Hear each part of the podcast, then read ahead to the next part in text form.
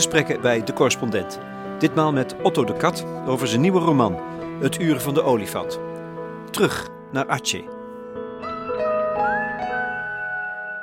Wat ook een thema in dit boek is, en dat vind ik, dat zag ik eigenlijk pas toen ik het geschreven had. Hoe kan je heimwee hebben naar iets wat gruwelijk is? Wat deze beide hoofdpersonen hebben heimwee naar dat atje waar ze geweest zijn. Heimwee naar, naar, naar iets wat afschuwelijk is. Hoe zit dat? Wat is dat voor een verlangen? Hoe kunnen mensen, dat, dat zie je, dat mensen zeggen dat de oorlog de mooiste tijd van hun leven was. Dat wordt vaak gezegd door ouders, herinner ik me. The Good War is een beroemd boek. Ja, zeker.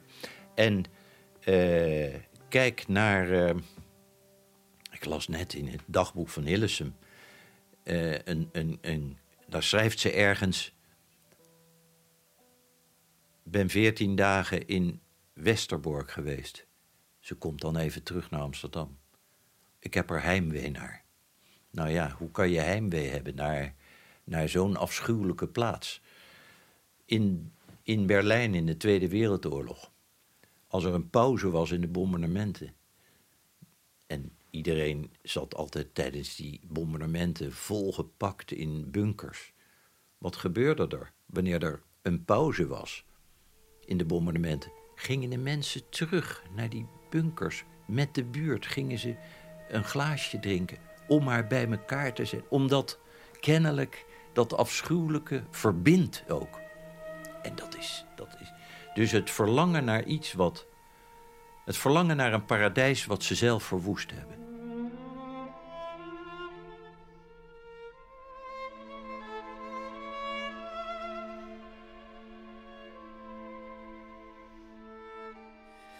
Er is deze dagen veel aandacht voor het geweld dat het Nederlandse leger gebruikt heeft in de periode van de dekolonisatie van Indonesië.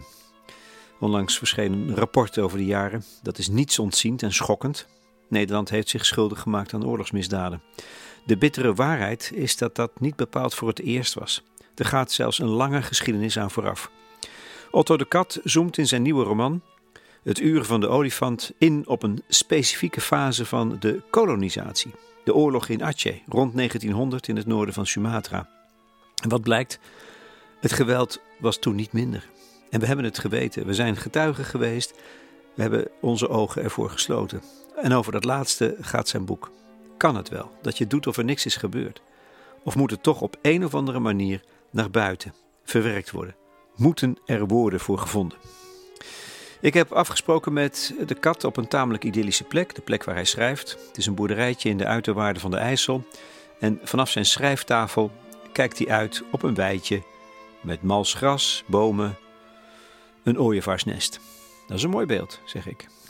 Ja, het is jammer dat het geen olifanten zijn. Maar de ooievaars die vliegen hier in uh, Gorsel, waar ik zit, overal rond. Want ze hebben hier een ooievaarsstation een keer opgezet. En sindsdien zijn hier ooievaars uh, als, als spreeuwen uh, gaan ze rond. En het is voor mij een volkomen vertrouwd beeld. Maar een heel aangenaam beeld. Ja, dat is mooi, toch? Ja, schitterend. Het mooiste met ooievaars heb ik ooit meegemaakt. Dat ik zo eind augustus hier rondliep. En toen stegen in de lucht een grote hoeveelheid ooievaars op.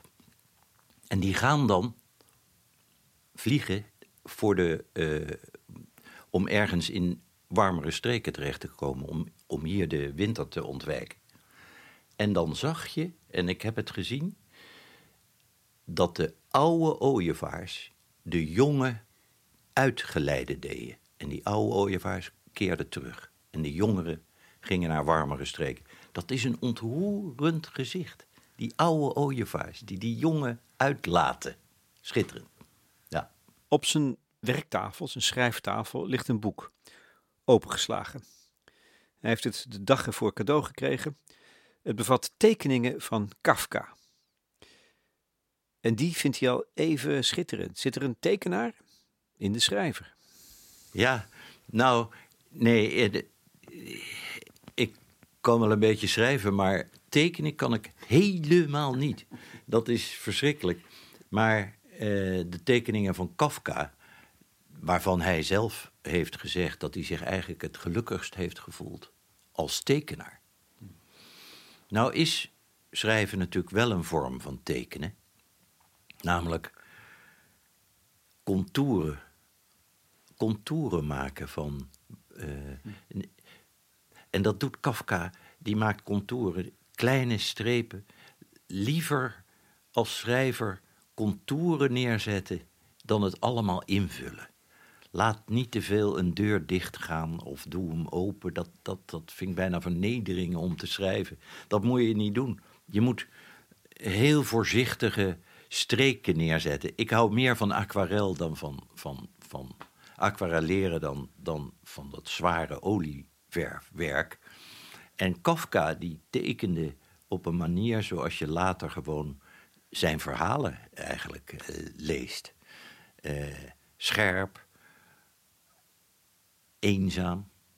De tekeningen van hem, ja, dat, dat, zijn, dat is een autobiografie. Hij, hij, hij tekent wie hij is eigenlijk. In contouren. In contouren. Want om jezelf in te vullen, dat is al haast niet mogelijk, uh, Lex. Dat, dat, dat, wat kunnen we nou over onszelf zeggen behalve een paar pennenstreken? Ja, daarom was ik eigenlijk gefascineerd door die tekeningen. Geweldig.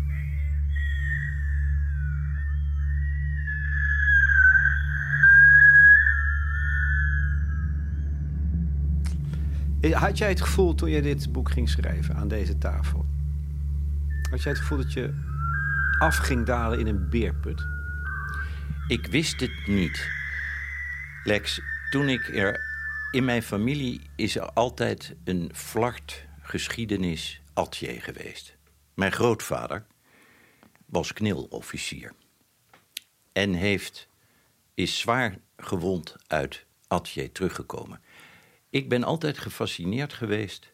Wat zou hij daar gedaan of gezien hebben? En mijn vader vertelde er nooit iets over. Ik heb een bakje, daar staat het met oude atelier-onderscheidingen. Eh, en hij was op 25-jarige leeftijd, kwam hij terug naar Nederland met één oog. Hij was door zijn hoofd geschoten. Toen ben ik toch op een gegeven moment, ik heb hem al een paar keer eerder in mijn boeken, heb ik hem tevoorschijn laten komen, maar ik heb hem nooit, ik heb dat nooit uitgezocht. Wat hij daar gedaan had en of hij daar iets gedaan had. Uh, je wilt toch niet dat je grootvader een misdadiger is, zal ik maar zeggen. Maar ja, uh, toen ben ik dus gaan researchen wat er op Atje gebeurd is. En dat is een aaneenschakeling van gruwelijkheden. Dat is misschien wel de meest vrede oorlog die Nederland ooit gevoerd heeft. Vanaf 1870 tot 1940 zijn daar vele, vele tienduizenden Atjeërs gedood. Ja, het is de periode die voorafgaat, zou je kunnen zeggen, vanaf 1870, 40 jaar oorlog zoals David van Rijbroek het zegt, 40 jaar oorlog. Voor uiteindelijk 28 jaar hè, dat, dat, dat, ze, dat we de baas zijn geweest. Het is eigenlijk de periode die voorafgaat aan wat hij beschrijft in Revolutie. Zeker, zeker.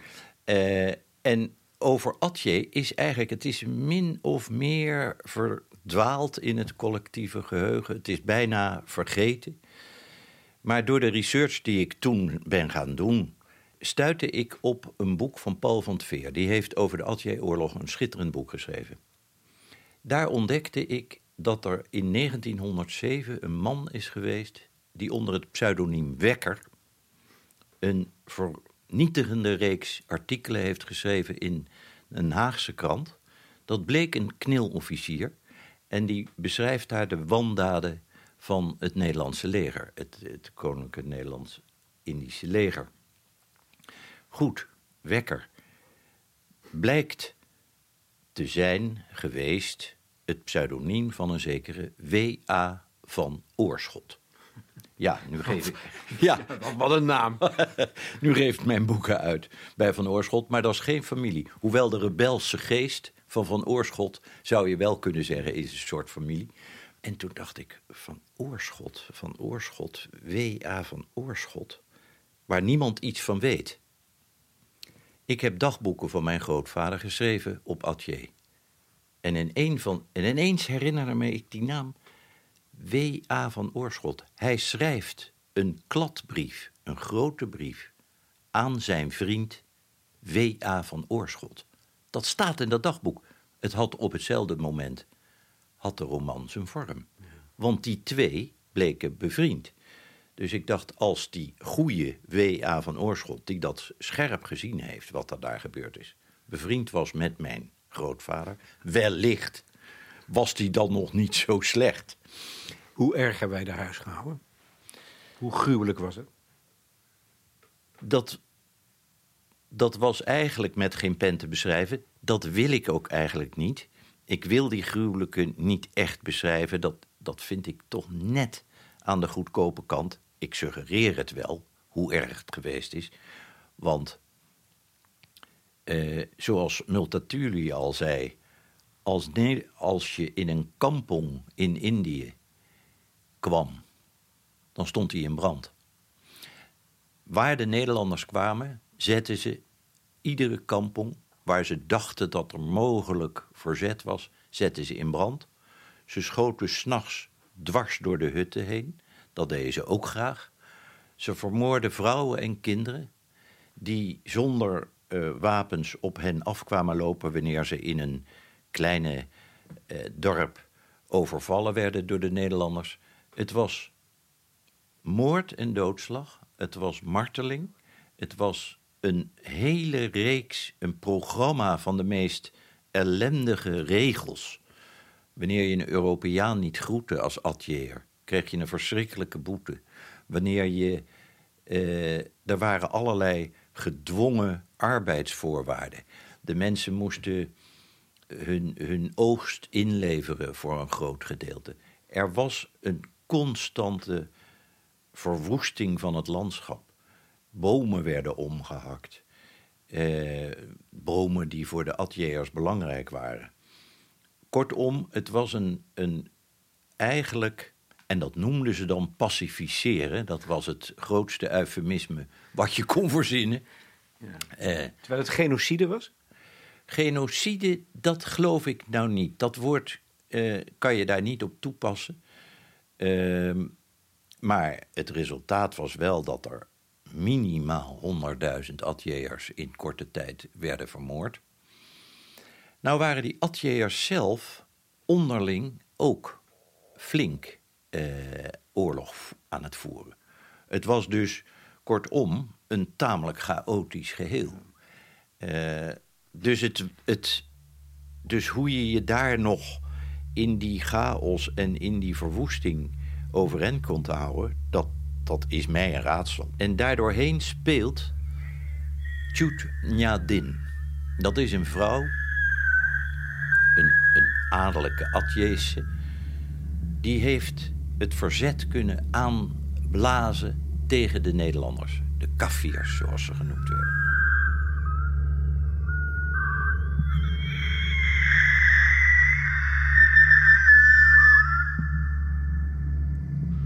Chutnya Din was tien jaar en haar erf niet één keer afgeweest toen ze met Ibrahim van Lamja trouwde. Van jongs af aan was ze opgevoed om de eerste te zijn onder de vrouwen, zoals ze later de eerste onder de mannen werd. Ingesponnen in de oeroude overleveringen van haar familie had ze een zeldzaam eigen stem gekregen. In de schaduw van het zwaard ligt het paradijs en het eeuwige leven in het drinken van de doodsbeker, wist Din. Zo was het haar verteld door haar vader en haar grootmoeder. Die twee waren de fluisteraars in haar leven, de toonsoort waarin ze opgroeide. Niet ver van de moskee stond haar huis en het geluid van biddende mannen wiegde haar dagen. De alomtegenwoordige noemde ze hem, en zo voelde zij het ook. Vertrouw alleen op hem, nooit op een mens, had Ibrahim haar bezworen. Ze deed het. Vijftien jaar woonden Ibrahim en zij in Lampadang, het dorp van Din, waar zij haar eigen huis op palen bezat, beschermd door een ondoordringbare muur van doornstruiken. In Atje, Het legendarische noorden van Sumatra. Vijftien jaar zonder oorlog. Tot de Kafirs kwamen, de ongelovige Nederlanders en hun helpers. Om beschaving te brengen. Beschaving. Ze wisten wat dat betekende. Oorlog. En wat vroeg of laat moest gebeuren, gebeurde. Ibrahim werd neergeschoten bij een overval op een bivak. En zijn volgelingen droegen zijn lijk mee op een brancard, dagtochten lang, naar Montassik, hoog in de bergen waar geen Nederlander zich waagde. Daar huilde Din en begroef hem. Toen meldde zich Oemar, haar neef, de beroemdste man van de westkust. Din, waar ben je? Trouw met me, Din. Zo vaak had hij het herhaald dat ze tenslotte ja had gezegd. Ja tegen Oemar. En vooral nee tegen de Nederlanders. Oemar had al zes vrouwen en zij zou de zevende zijn, maar veruit de sterkste. Sterk en ongenaakbaar in haar harnas van geloof. Geloof in Allah. Geloof in Atje waar haar voorouders over hadden geregeerd. En geloof in de strijd tegen de indringers. Wit volk uit een ver land dat brutaalweg dacht haar Atje te kunnen roven.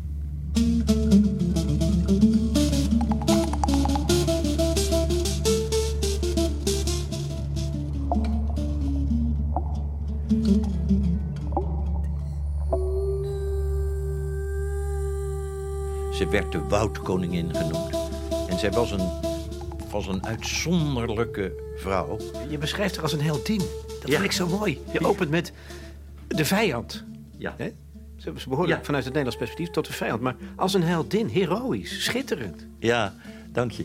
Ja, dat, Ja, ik was gefascineerd door haar ook. En eh, er is in Indonesië nu is ze ook een heldin. Er is een museum, er zijn al- allemaal eh, straatnamen. En Cut Din is, is voor een Indonesiër een, een, een bekende een Jeanne d'Arc-achtige figuur. Eh, maar inderdaad, ik, de manier waarop zij zich verzet heeft, de manier waarop zij de Nederlanders overal in het nauw heeft weten te drijven, ja, dat, dat sprak mij aan. En eh, ja, nee, Din is een, is een heldin. Maar wel, dat is ook een daad, hè, om dat- voorop te zetten. Weet je? Om, om heel bewust te kiezen voor het andere perspectief. Ja, dat was. En dat is het bijzondere. Ik heb een, een eh, meelezer, of liever gezegd een editor. En dat is Plien van Albada. En zij, met wie ik samen uitgeverij Balans heb. En zij is een, de beste editor die Nederland kent, zeg ik altijd. Ehm, maar zij las het manuscript en ze zei tegen me: Je moet met Din beginnen. En dat had ik toen nog niet gedaan. Ik had dat nog niet door dat dat het beste, sterkste begin was. En zo eh, kan je als schrijver natuurlijk toch wel heel veel hebben aan iemand die, die scherp en kritisch blijft meelezen. Nou is het interessant, eh, Otto, dat je stuit dus, je wist het niet eens, je stuit op gruweldaden, oorlogsmisdaden, echt. Het is echt onthutsend wat wij daar op onze kerfstok hebben eh, gehad. En dan zeg je toch, ja, de, en, je- en je stuit op een, op een soort een multatuli. Ja. Een Eduardaus Dekker, dat rinkelt mee in Wekker, in dat pseudoniem. Ehm, maar dan is het 1906. En dan denk, zeg je toch, ja, maar ik wil dat niet helemaal, zeg maar, ehm, blootleggen. Terwijl ik denk, ja, daar heb je als schrijver natuurlijk een taak. Jij, jij moet hier, ons hier een, een geweten schoppen. ja, moeten schrijvers dat doen? Ja, ik, ik ben er nee, nog... nou, dat moet hij Ja, natuurlijk niet, nee, maar nee. hier is een kans. Ja. Hier is een kans voor ons, wij willen dat niet weten. Dat is het hele punt, toch? Wij hebben dit voor onszelf echt, we zijn het gaan verzwijgen. Ja, er is ongelooflijk veel verzwegen. Natuurlijk in die hele koloniale tijdperk. Daar is ongelooflijk veel verzwegen. Omdat iets wat kennelijk zo zwaar is, waar, eh, waar de mensen omheen blijven lopen. Tot, tot, tot eindeloos toe. Eh, en, en deze oorlog is natuurlijk meer dan 100 jaar geleden uh, geweest. En we zijn nu bezig met de, uh, met de politionele acties. Uh, in, in na, de Tweede Wereldoorlog. na de Tweede Wereldoorlog. Maar daar ver daarvoor is dus deze gruwelijke oorlog gevoerd. Waar we eigenlijk, die bladzijden zijn niet opengeslagen. Dat boek is niet opengeslagen. Nu zeg jij, had je niet veel meer Kijk, ik, ik ben geen multatuli. Ik wil niet. Ik wil eigenlijk die twee hoofdpersonen van binnenuit het laten beleven. Zonder voortdurend met mijn vinger te wijzen, jongens, wat waren we slecht daar? Uit het boek blijkt dat wel degelijk, hoe slecht we daar geweest zijn. Ik wil dat op een subtiele manier laten voelen via die twee. Ja. Nou ja, ik denk, uh, wat er dan uiteindelijk uitkomt, Kijk, die gruwelen, die, die, die heb je wel door hoor. Je hebt maar één detail nodig of één verhaal nodig. Dat snap ik ook wel. Maar het gaat me om wat jij te zeggen hebt over het zwijgen. Dat vind ik eigenlijk het misschien wel een van de drie belangrijkste dingen. De, een van die twee officieren, uh, wit hè, Nederlander, is getraumatiseerd en die moet, die moet naar buiten met zijn verhaal. Het moet eruit, op een of andere manier. Dat lukt hem dan via een psychiater. Maar mijn vraag is, is dat voor jou ook een soort spiegel aan het Nederlandse volk? Wij hebben dat natuurlijk ook in onze bagage. Moet het er ook voor Nederland alsnog een keer uit? Ja, ik zou dat. Het is misschien zo lang geleden dat. dat leed niet helemaal meer voelbaar is. Maar kijk naar de hele discussie over de slavernij. Daar is het wel degelijk natuurlijk van generatie op generatie gegaan. En het is heel goed dat we daar nu niet meer over zwijgen. Daar ben ik het uh, eh, 100% mee eens.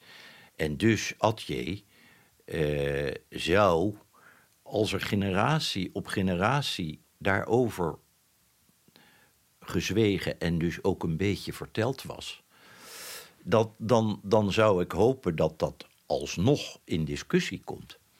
Ik laat WA ook in zekere zin radicaliseren.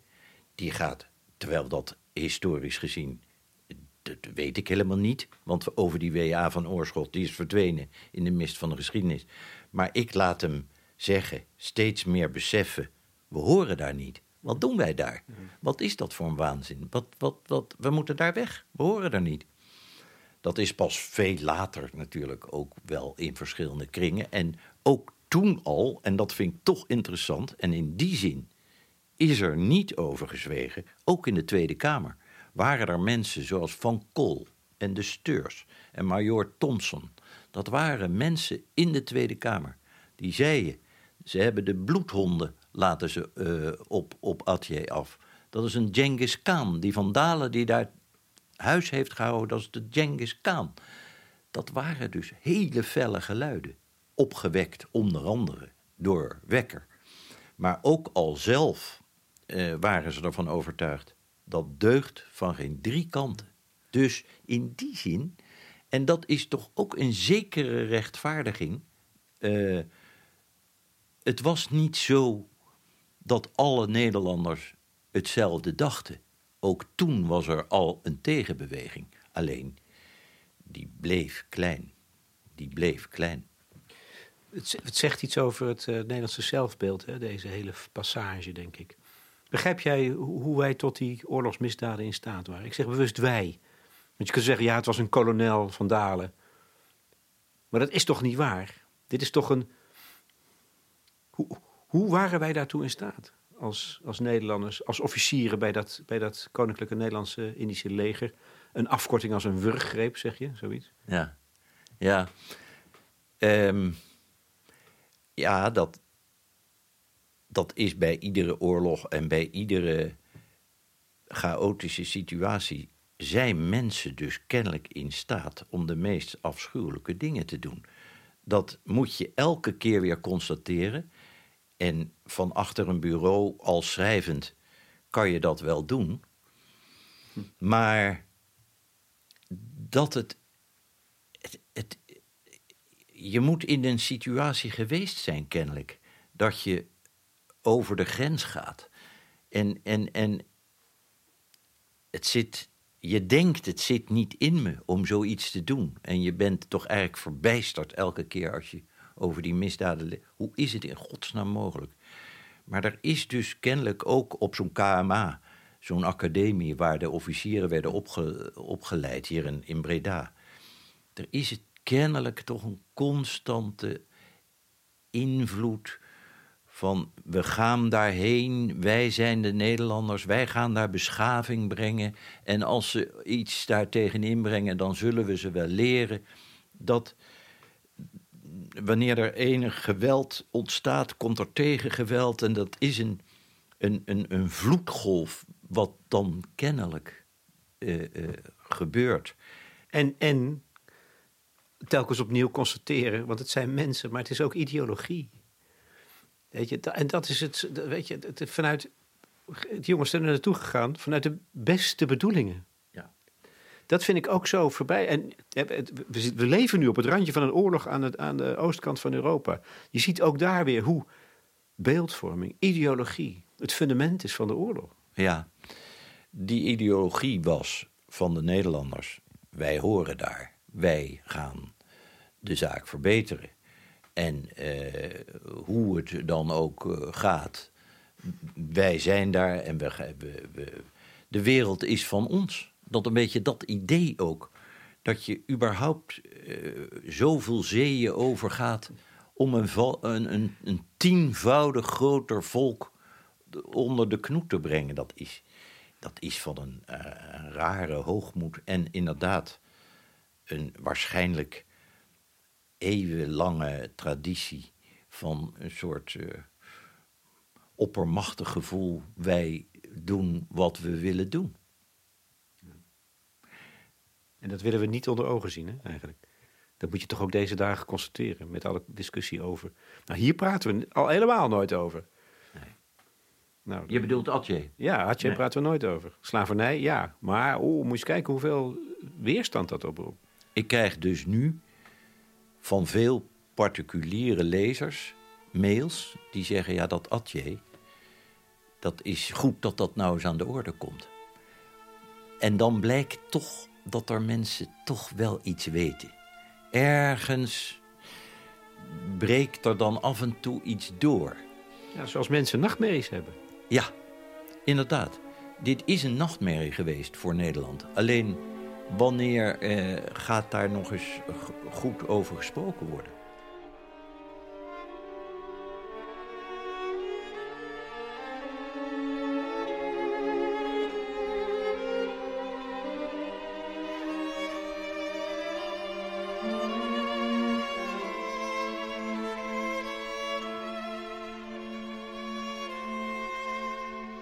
Een van mijn fascinaties voor jouw werk is de manier waarop je schrijft over spreken en vooral ook zwijgen.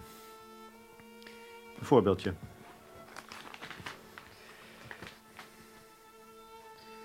Prachtig. Het is, ook, het is ook een portret van een vriendschap natuurlijk. Tussen twee officieren. Wanneer, en dat ik citeer nu.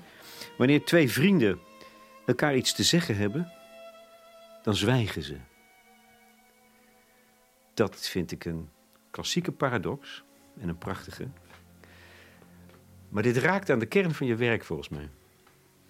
Ja, ik, ik, wat ik probeer is inderdaad dat zwijgen, het, dat zwijgen onder woorden te brengen. En dat is natuurlijk, want als ik zou zwijgen, ja, dan komen er geen boeken. Dus ergens moet ik dat, uh, dat fenomeen uh, uh, toch benoemen. Ja, maar, wat is er zo goed aan zwijgen? tegenover de noodzaak om te praten, bloot te leggen, zit er ook een andere kracht. De waarde van het zwijgen, volgens mij. Ja, ja en, en zwijgen is natuurlijk ook wel vaak een vorm van onmacht. En een vorm van de woorden niet kunnen vinden voor iets wat groot is. Voor vriendschap, bijvoorbeeld. Als twee vrienden uh, elkaar ontmoeten, is zwijgen eigenlijk het antwoord. In, in, in stilte zit ook soms onrust, maar er zit ook een, een vorm van, van volmaaktheid in. En ik probeer eigenlijk, daarom zijn mijn romans relatief kort, om zo min mogelijk woorden te gebruiken om het grootst mogelijke effect te bereiken. Ik vind vaak in de Nederlandse literatuur dat er veel te lange boeken worden geschreven, veel te veel geluid is. Veel te veel wordt uitgeschreven, veel te weinig gesuggereerd, veel te weinig geschreven in het wit tussen de regels, zal ik maar zeggen. Ja. Maar dit is toch, toch een, eh, een, een, een, een zeer ambivalent ding voor een schrijver. Kijk, het, de ene kant is onmacht. Maar ik lees het ook als iets positiefs. Dat je juist in stilte, in het delen, om de woorden heen, iets vindt wat van wezenlijk belang is. Dat is lullig voor een schrijver. Ja, dat is voor een schrijver lullig. maar eh, toch is het waar wat je zegt. Eh, het, is ook een, het is ook een vorm van verzoening. En het is een, een vorm van begrijpen zonder woorden. Het is ook een, een vorm van kijken naar elkaar. Zwijgen is, is iets ijls natuurlijk. En er moet uh, aan de andere kant, wanneer je een boek wil krijgen, toch iets gezegd worden. ja, daar zit jij dan. Daar zit ik dan tussenin. Ja. Ja. ja. het speelt altijd tussen mensen. En al, al je boeken speelt dat een rol. Ja. Ja. Hoe mensen proberen elkaar te naderen. Maar misschien ligt wel ligt die echte nadering niet in de taal. Nee, dat, dat, dat, dat, ik denk dat je daar iets heel essentieels zegt. Dat we willen wel alles kunnen uitdrukken en we willen wel alles kunnen verwoorden. Maar ergens in dat boek, geloof ik, zeg ik ook, ja, ik hou van je. Wat, wat, wat, wat, wat is dat? Ik ga mijn liefde voor jou toch niet in woorden als ik hou van je uitdrukken. Hoe doe je dat? Hoe, hoe laat je zien dat je van iemand houdt? Is dat met woorden of door een gebaar of door wat je doet of hoe je bent? Dat is het eerder.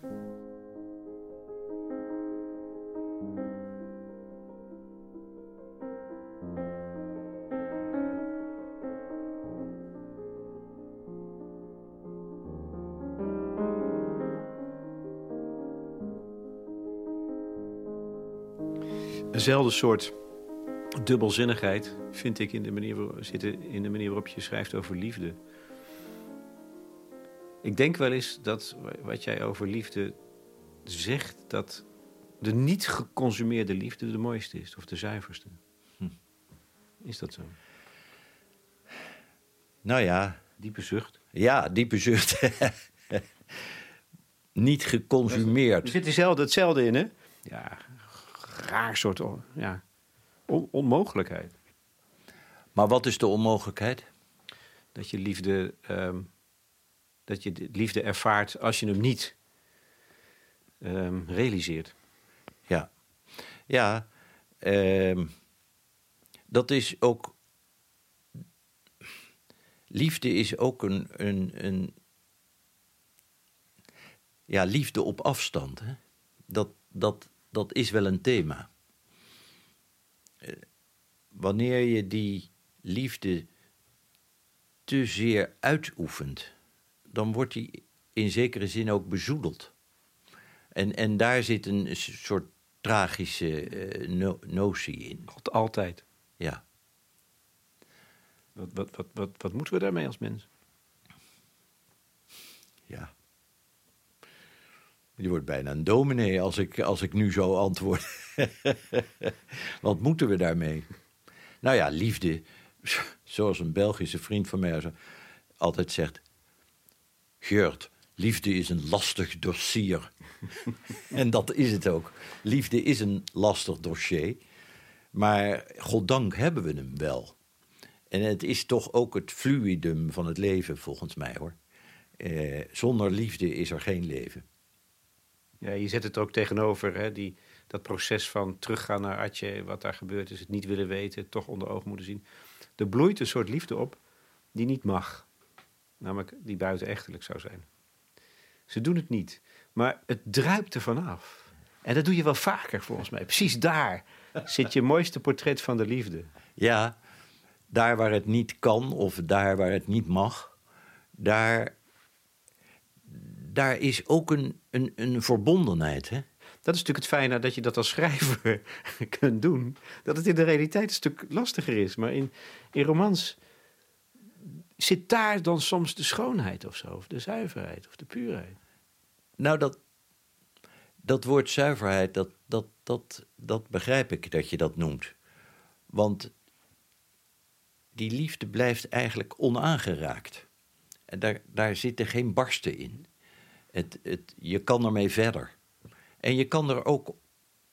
Het kan ook een zekere motor zijn in je leven. Dat is een liefde die, die, die er is, die je weet.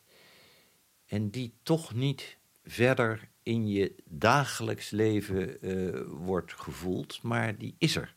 En, en dat is wel bijzonder. Ja, dat is mooi. Die kan een motor zijn. Ja, die kan een motor zijn. Ik heb dat vaak in mijn boeken beschreven. Ja. Uh, Dan zou je het ook wel kennen, denk ik. Ja, zoiets. Zoiets is altijd autobiografisch. Ja, en dat, dat kan te maken hebben met, met een oerliefde die, die in je hoofd er geweest is en ook in werkelijkheid geweest is. Zit hij er ook? Die zit er, ja. En dat is iemand geweest, ze leeft niet meer, maar die nog altijd twee of drie keer per jaar in mijn dromen terugkomt. Ja. Ja, dat, dat is hand in hand. Ik, ik weet niet of je wel eens gezien hebt dat ik eigenlijk de liefde laat bestaan in het vasthouden van een hand. Dat komt in verschillende, dat dat het oer, dat dat een soort oerbeeld is. Hand in hand. Dat, is, dat heeft dat onaangeraakte en toch het, iemand die je vasthoudt. Dat is het eigenlijk. En je moet eigenlijk niet verder gaan. Nee. Nee, je moet eigenlijk niet verder gaan. Nee. Dan word je vastgehouden. Maar ja, eh, dat, dat is. Dat heet ook wel romantiek.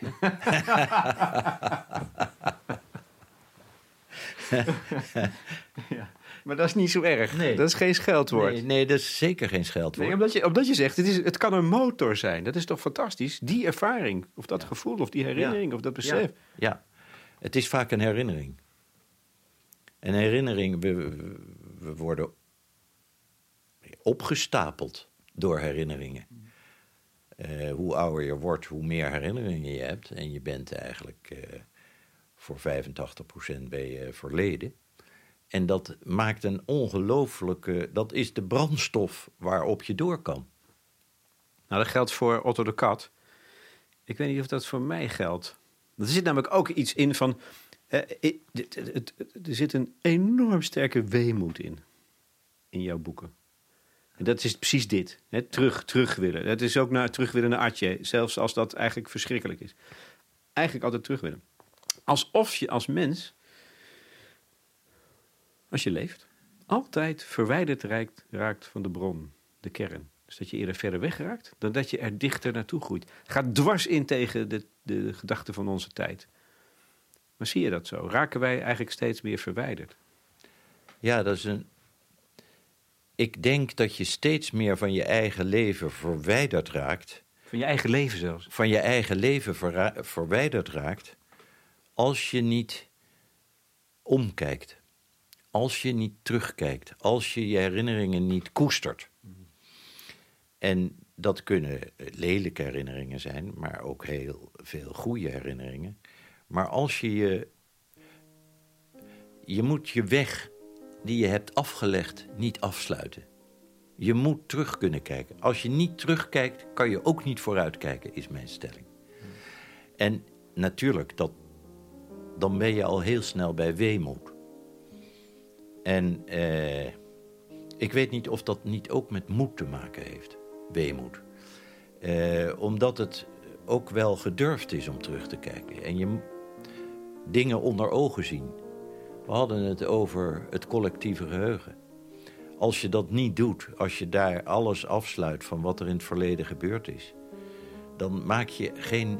Dan, dan, dan maak je de toekomst onzuiverder. Geldt individueel en collectief inderdaad, ja. als, als, als, als volk. Als, ja, ja. Eh, eh, zonder verleden geen toekomst.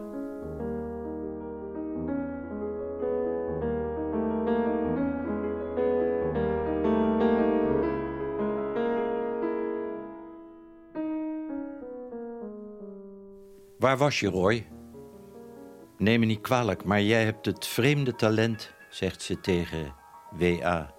Jij hebt het vreemde talent om oude herinneringen bij me op te roepen. Vooral aan mijn broers en mijn ouderlijk huis. Hoe het komt, weet ik niet. Het gebeurt gewoon. En toen vertelde ze spontaan iets over haar vader. Het zingen van het kindermeisje was gestopt. De kinderen sliepen kennelijk. W.A. dronk zijn thee hij luisterde zonder één vraag te stellen, wat ongebruikelijk voor hem was. En zij praatte zonder voorbehoud, wat voor haar ook ongebruikelijk was. Het sneeuwde in de wijnstraat. Haar vader kwam thuis. Ze wist precies hoe laat, iedere dag om half zeven. Veertien was ze. Haar vader tilde haar al lang niet meer op zoals vroeger, wanneer hij de deur opende en zij door de gang naar hem toe rende. Maar toen wel. Hij was sterk. Hij tilde haar met gemak op en legde zijn wang tegen de hare. En hij huilde. Haar vader huilde. Eerst dacht ze dat het misschien sneeuw op zijn gezicht was, maar dat was niet zo. Hij hield haar tegen zich aan. Ze voelde de kraag van zijn jas in haar hals en zijn tranen langs haar wang. Hij zette haar terug op de grond. De bank is failliet. De bank? De bank van haar familie, die al generaties bestond, de bank die alles mogelijk maakte en waar zoveel mensen werkten, failliet? Dat kon niet. Hoezo failliet? Wie had dat gedaan? Waarom? Wat bedoel je met failliet? Moeten we uit ons huis weg? Is alles weg? Kunnen we niet meer met vakantie? Nee, nee, hij was gaan lachen om haar vragen. Nee, nee, niet bang zijn. De buitendeur stond nog open. Ze zag de sneeuw door de straat waaien. De herinnering aan die sneeuwjacht, hoe de sneeuw al snel hun huis binnenkwam en hoe ze het aanzagen, zij en haar vader. Hij had haar opgetild. En ze voelde nog altijd de lichtheid van het moment, de nabijheid van haar vader, het vale lamplicht in de gang van hun huis. Ze hoorde de straatgeluiden, zag het waaien van de sneeuw. Er gaat bijna niets boven die herinnering hoe overdreven het klinkt misschien.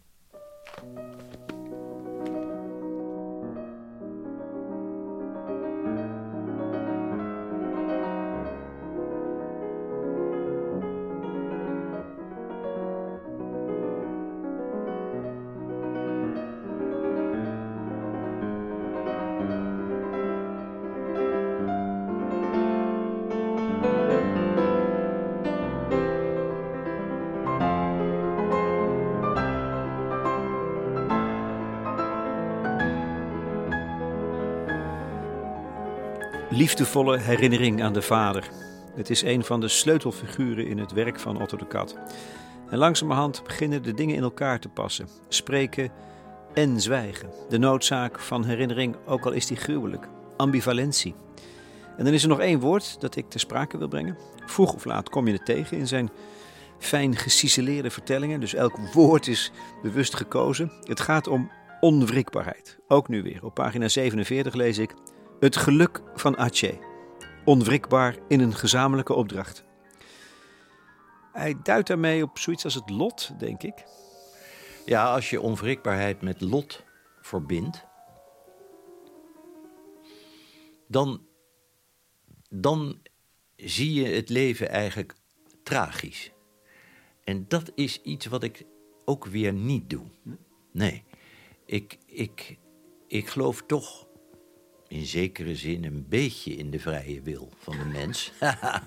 een heel klein beetje. Voor hoeveel procent? ja, dat is de vraag. Nou ja, als, als uh, oud remonstrant ah. uh, die al in de uh, 16e eeuw vochten voor de kleine, een, een, kleine zelfbeschikking van de mens tegenover de totale um, voorbeschikking, zoals de andere partij het zei. Maar um, lot vind ik toch een, een, een moeilijk begrip. ik, ik voel mezelf niet vastgeklonken in een lot. Nee. Ik heb nog steeds het gevoel dat er, dat er andere mogelijkheden zijn. Ik heb ook nog steeds veel zin om nieuwe dingen te doen. Ik, ik verheug me al op een nieuw boek. Ik, ja, maar dat, precies. Nee, maar dat, is, dat zijn de mogelijkheden van de creativiteit. Ja, dat is juist.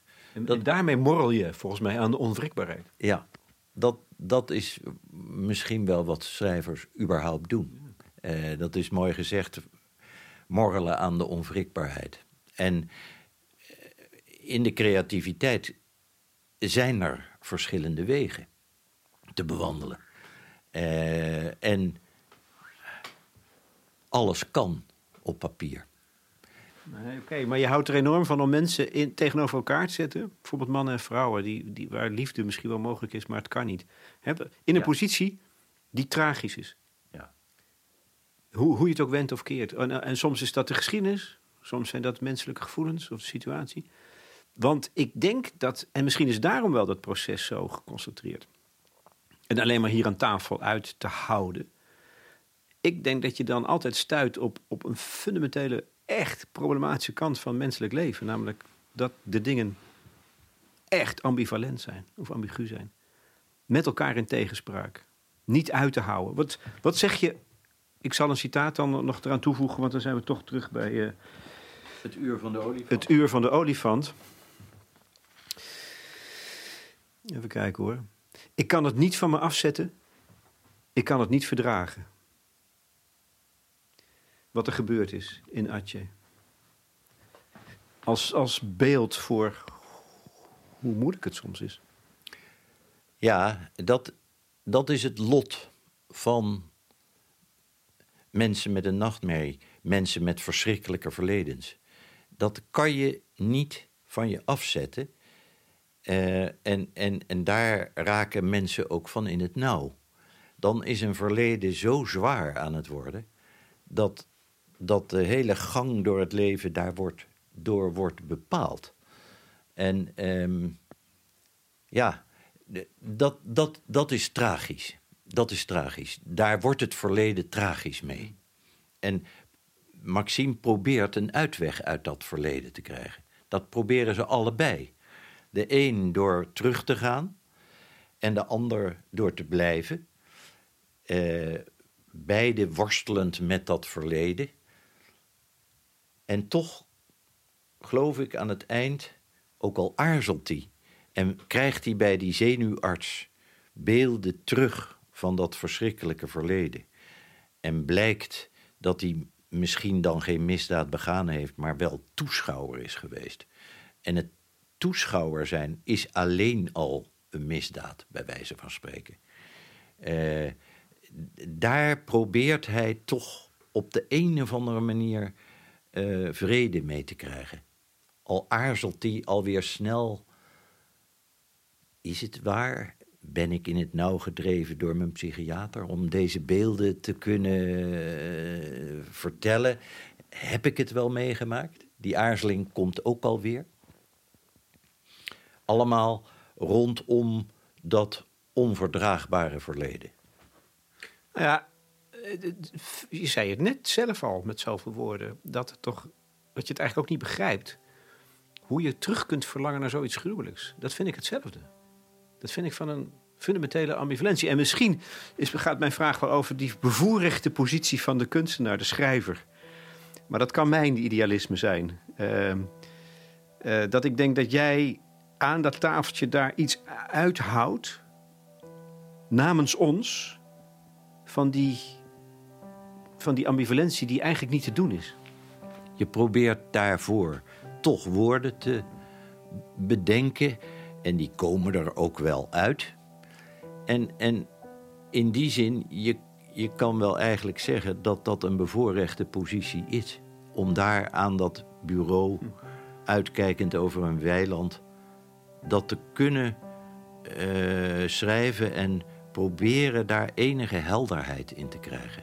En, en, en dat is toch wel ook een drijfveer om in alle tragiek toch ook schoonheid te vinden. Het is je weer gelukt. Dank je. Dank je. Hebben we iets niet gezegd? Ja. ja, we hebben van alles niet gezegd.